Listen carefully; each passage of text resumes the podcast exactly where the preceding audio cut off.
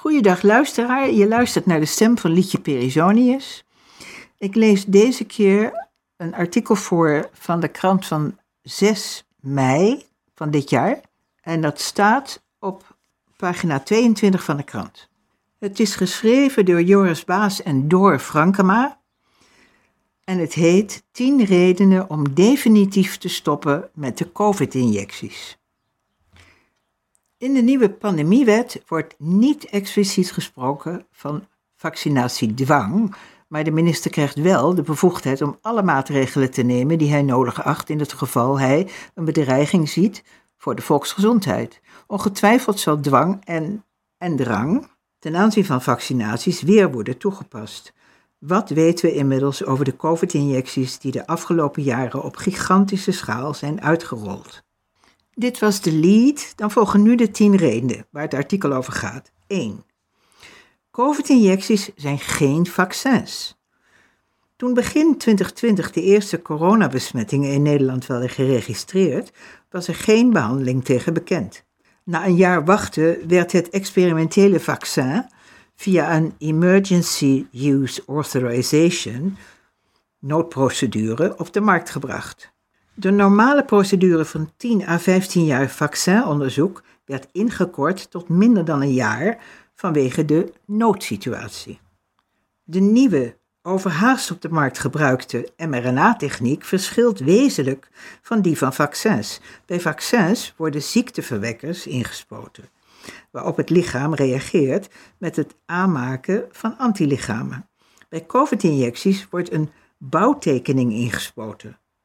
Het lichaam wordt hiermee aangezet om zowel de ziekteverwekker, de betreffende versie van het virus, als de antilichamen aan te maken. De Amerikaanse gezondheidsautoriteit CDC veranderde de definitie van het woord vaccin zodat mRNA-technologie in de categorie paste. Uiteraard zou de bevolking nooit warm gelopen zijn voor een experiment met onze genen. Het woord vaccin was pure marketing. Het klinkt vertrouwd en wordt door de massa geassocieerd met bescherming. De COVID-injecties werken nauwelijks tegen infecties. De COVID-injectie werkt niet, en dit was al bekend toen de prik op de markt werd gebracht.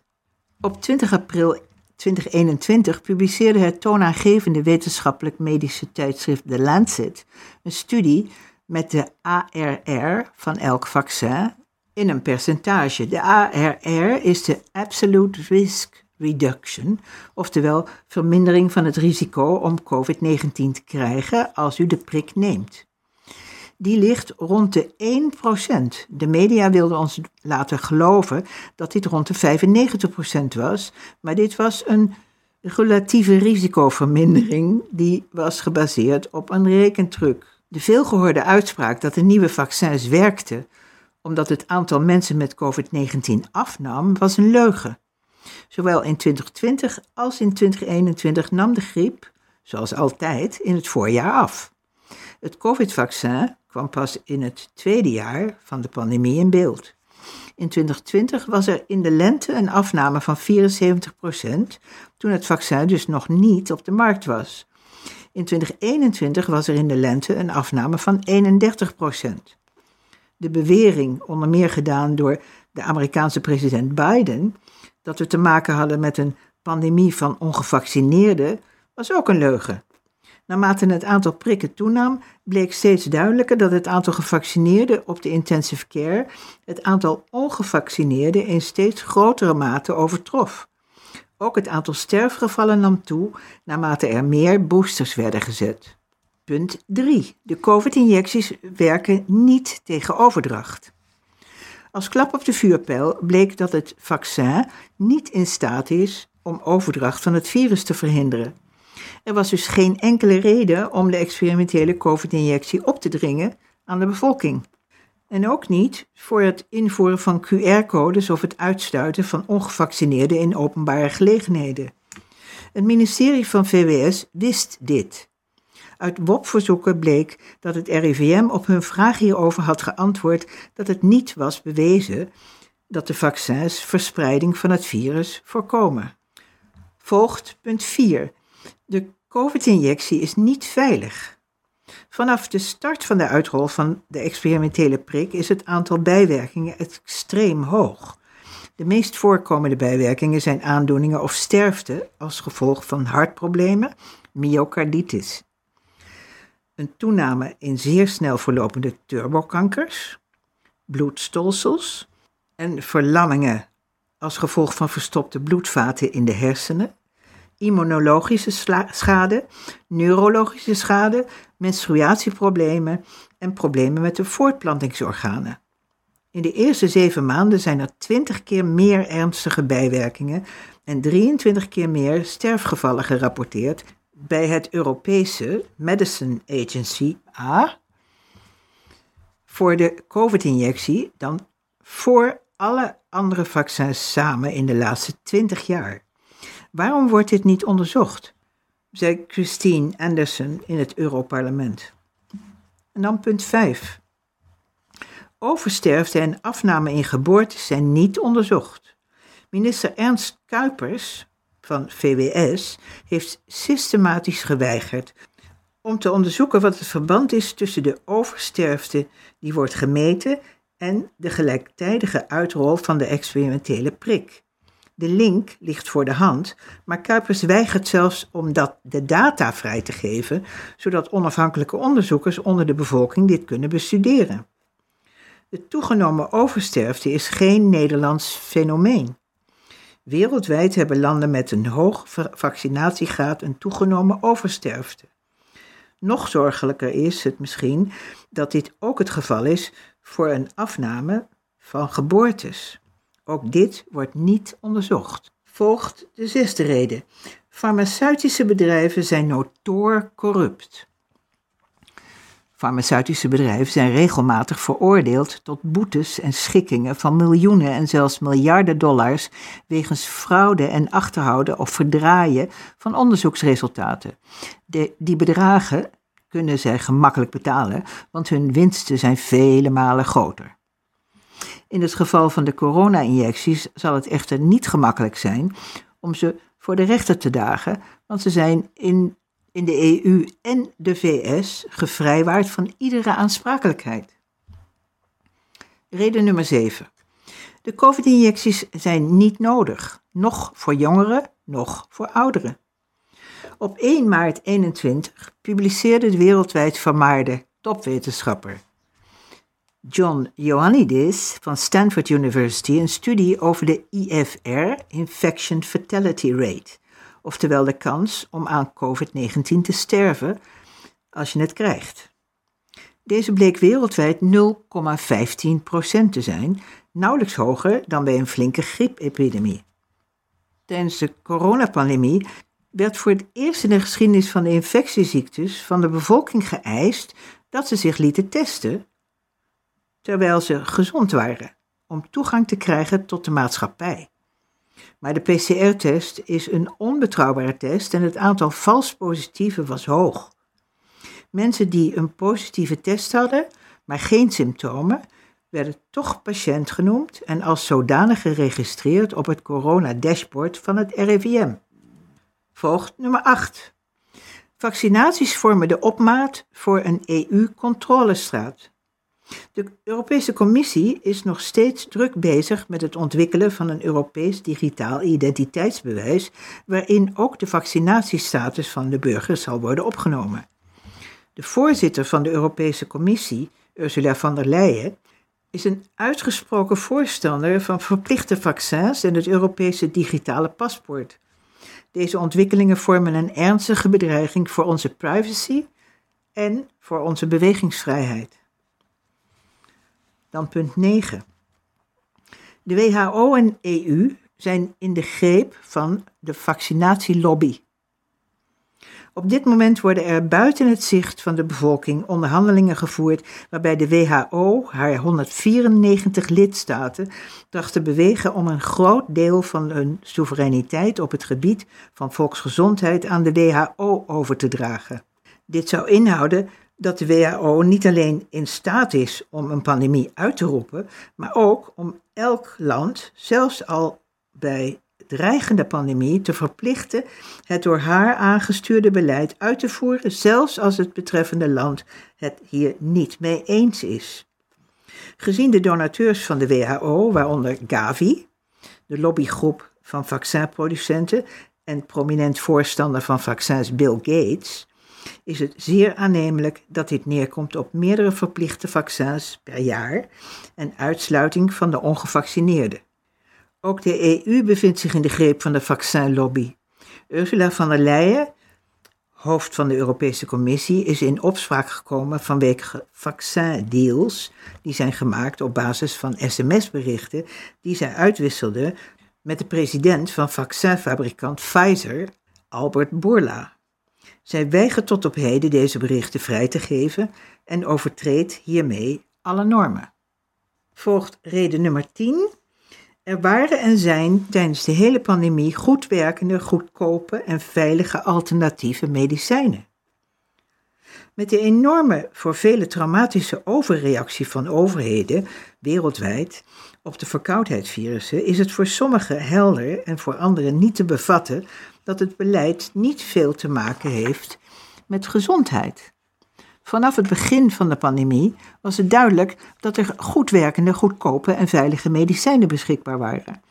Wereldwijd werden goede resultaten bereikt met protocollen op basis van ivermectine en HCQ. En wereldwijd werden de mensen die hiermee werkten vervolgd en verketterd. Later bleek dat er nog tal van andere mogelijkheden waren om COVID-19 te behandelen, waaronder UV-licht en het ioniseren van ruimtes. Geen van deze maatregelen is opgenomen in de nieuwe pandemiewet. Daarmee eindigt dit artikel. Het volgende artikel dat ik voorlees staat op pagina 13. Schrijver is Ido Dijkstra. Het heet Mist rond schimmige denktank desinformatie trekt op.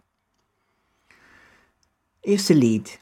WOP-onderzoeker Cees van der Bos en Daniel van der Tuin openbaarden afgelopen week, net als NRC Handelsblad, informatie over de bedenkelijke werkwijze van de denktank desinformatie. Het officiële doel van de door de overheid aangestuurde Influencer Club is het vergroten van de vaccinatiebereidheid, maar door haar schimmige manier van opereren heeft ze vooral kwaad bloed gezet, stelt huisarts Els van der Veen. Het ministerie van VWS richtte in 2019 de denktank Desinformatie op. Leden van dit 35-koppige expertteam mengen zich in het publieke debat via de media. Doel: de vaccinatiebereidheid vergroten en sepsis onderdrukken.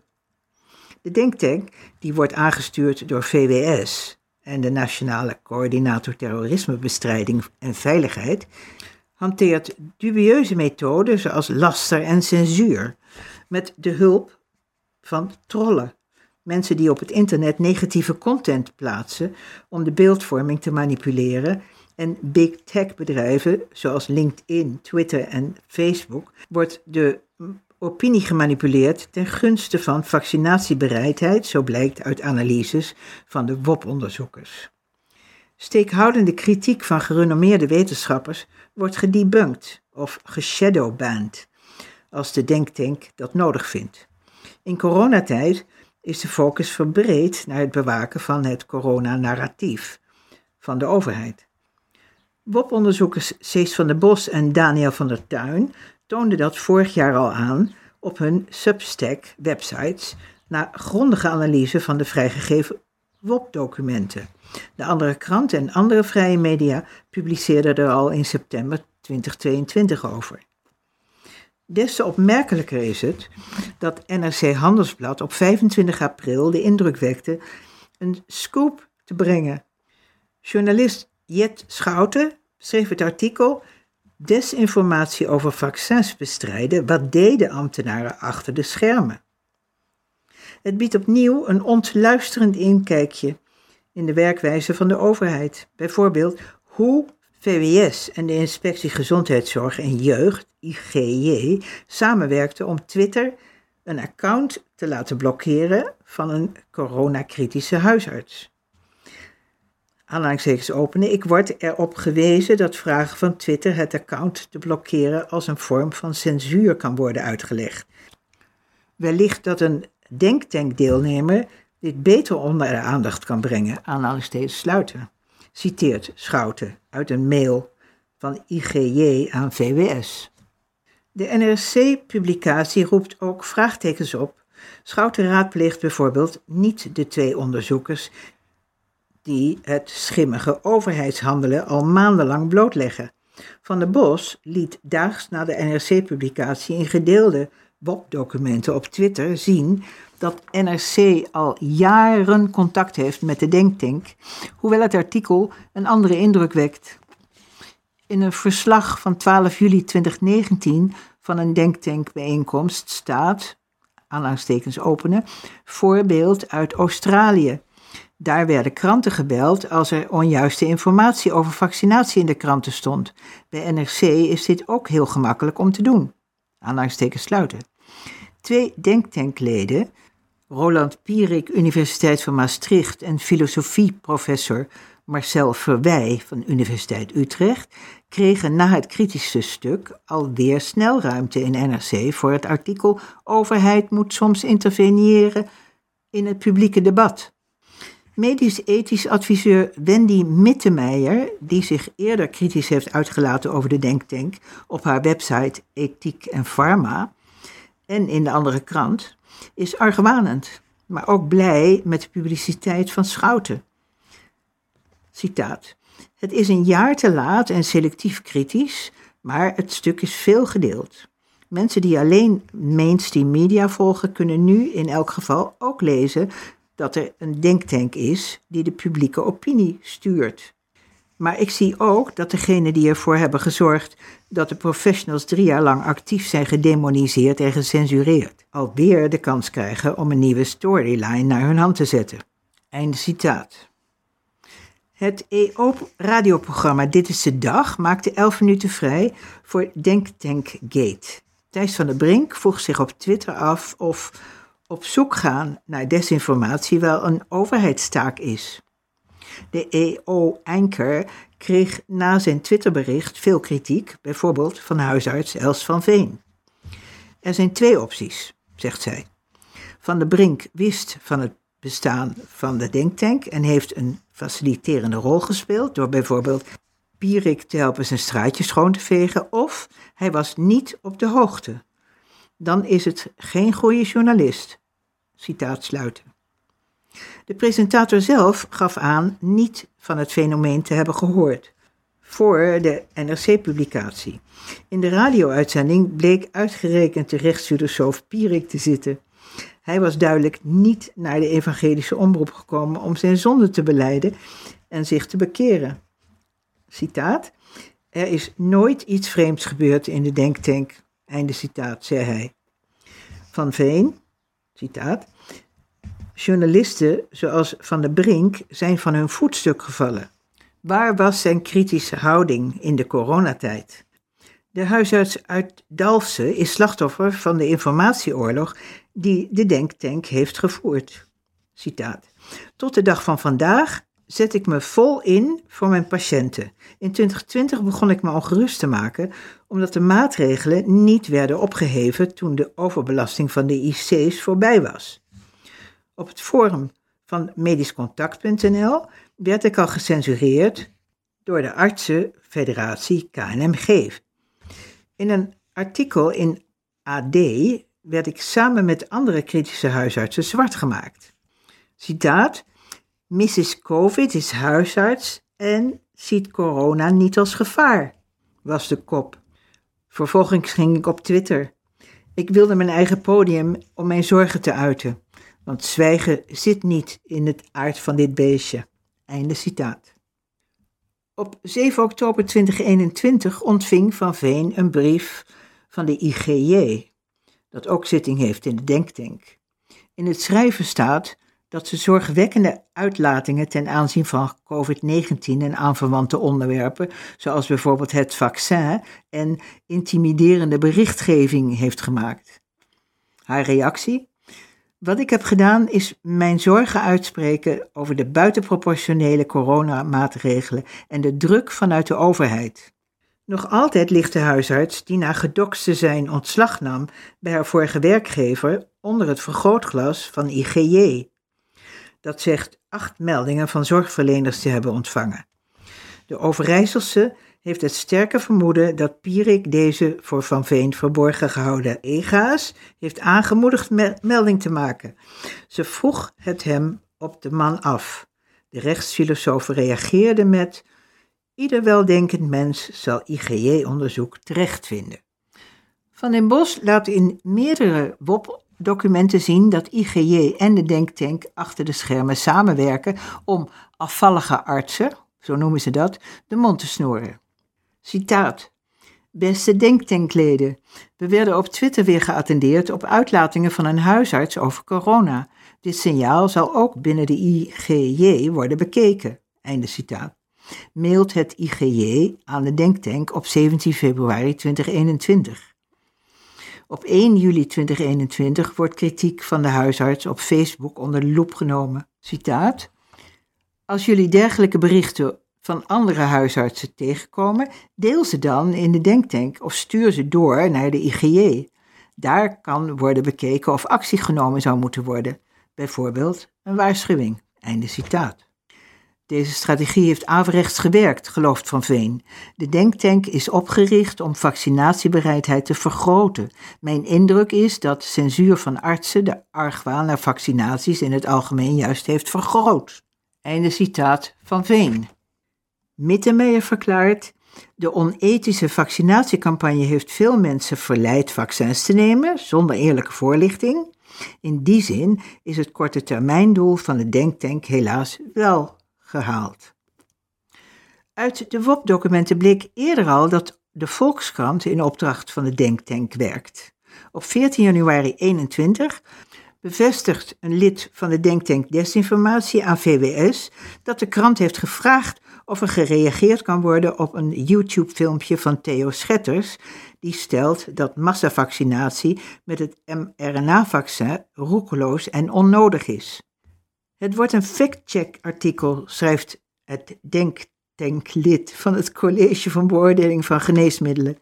Een dikke week later, op 22 januari, schrijft Volkskrant-journalist Maarten Keulemans het stuk met de titel YouTube-hit, de hoogleraar die coronavaccins fileert, zes uitspraken beoordeelt.